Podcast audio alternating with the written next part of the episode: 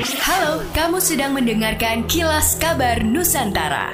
Podcast persembahan KG Radio Network menyajikan berita harian yang mengangkat keunikan dari berbagai wilayah Indonesia.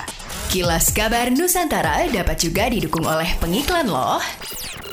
Dengarkan percakapan Wisnu Nugroho, jurnalis dan pemimpin redaksi Kompas.com dengan tokoh-tokoh yang menggulati hidup dengan gigih, serta kisah tentang pengalaman berkesadaran yang menggugah hati. Hanya di podcast Beginu, bukan begini, bukan begitu. Peningkatan kesejahteraan masyarakat dan adanya kontribusi bagi pendapatan asli daerah menjadi sejumlah tugas yang diberikan kepada Asosiasi Penambang Rakyat Indonesia APRI Kalimantan Selatan periode 2021-2026.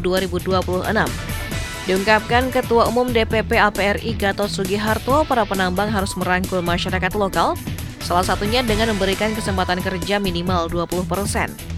Hal itu menurutnya sebagai bentuk kontribusi nyata karena sudah beroperasi di lokasi tersebut, khususnya untuk penyediaan tenaga kerja yang legal dengan upah yang sudah semestinya diberikan. Ia juga mengingatkan para penambang yang tergabung dalam organisasi tersebut untuk dapat membantu pemerintah menopang pembangunan dengan menyumbang bagi kas daerah dari hasil operasionalnya. Komisi Pemberantasan Korupsi memanggil sejumlah pejabat di lingkungan pemerintahan Aceh. Total yang dipanggil 19 orang dan mereka akan dimintai keterangan terkait dugaan tindak pidana korupsi proyek-proyek pengadaan barang dan jasa di lingkungan pemerintah Aceh tahun 2019 hingga 2021. Hal tersebut berkaitan mulai dari pengadaan KMP Aceh Hebat dan proyek multi-years serta Ependik. Dari informasi yang diterima, ke-19 orang tersebut dimintai untuk hadir ke kantor perwakilan Badan Pengawasan Keuangan dan Pembangunan Aceh pada Selasa hingga Rabu 26 hingga 27 Oktober 2021. Adapun mereka yang dipanggil di antaranya pimpinan DPRA, yaitu Wakil Ketua 1, Wakil Ketua 2, dan Wakil Ketua 3.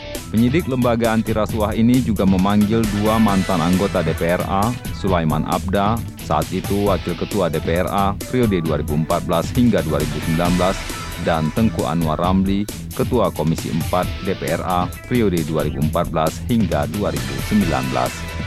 Sidang lanjutan kasus suap dan gratifikasi terdakwa Nurdin Abdullah dan Edi Rahmat kembali digelar di Pengadilan Negeri Makassar dengan agenda pemanggilan saksi. Kali ini Jaksa Penuntut Umum JPU KPK menggali fakta terkait proyek pengadaan Talas Satoimo atau Talas Jepang di Dinas Pertanian, Tanaman Pangan, Hortikultura dan Perkebunan DPTH Bon Sulsel. Sayangnya saksi yang harusnya dimintai keterangan atas temuan tersebut, yakni Andi Ardin Caco selaku Kepala DPTH Bon, telah meninggal dunia beberapa waktu lalu akibat terpapar COVID-19. Kendati demikian, JPU KPK Dodi Silalahi tetap membacakan BAP Andi Ardin Caco yang sebelumnya telah diperiksa Polda Sulsel. Dalam BAP tersebut, Jaksa KPK mengungkap arahan terdakwa Gubernur Sulsel nonaktif Nurdin Abdullah untuk memenangkan kontraktor Kwan Sakti Rudi Moha dalam lelang proyek pengadaan bibit Talas Satoimo di Kabupaten Tanah Toraja. Demikianlah kilas kabar Nusantara pagi ini.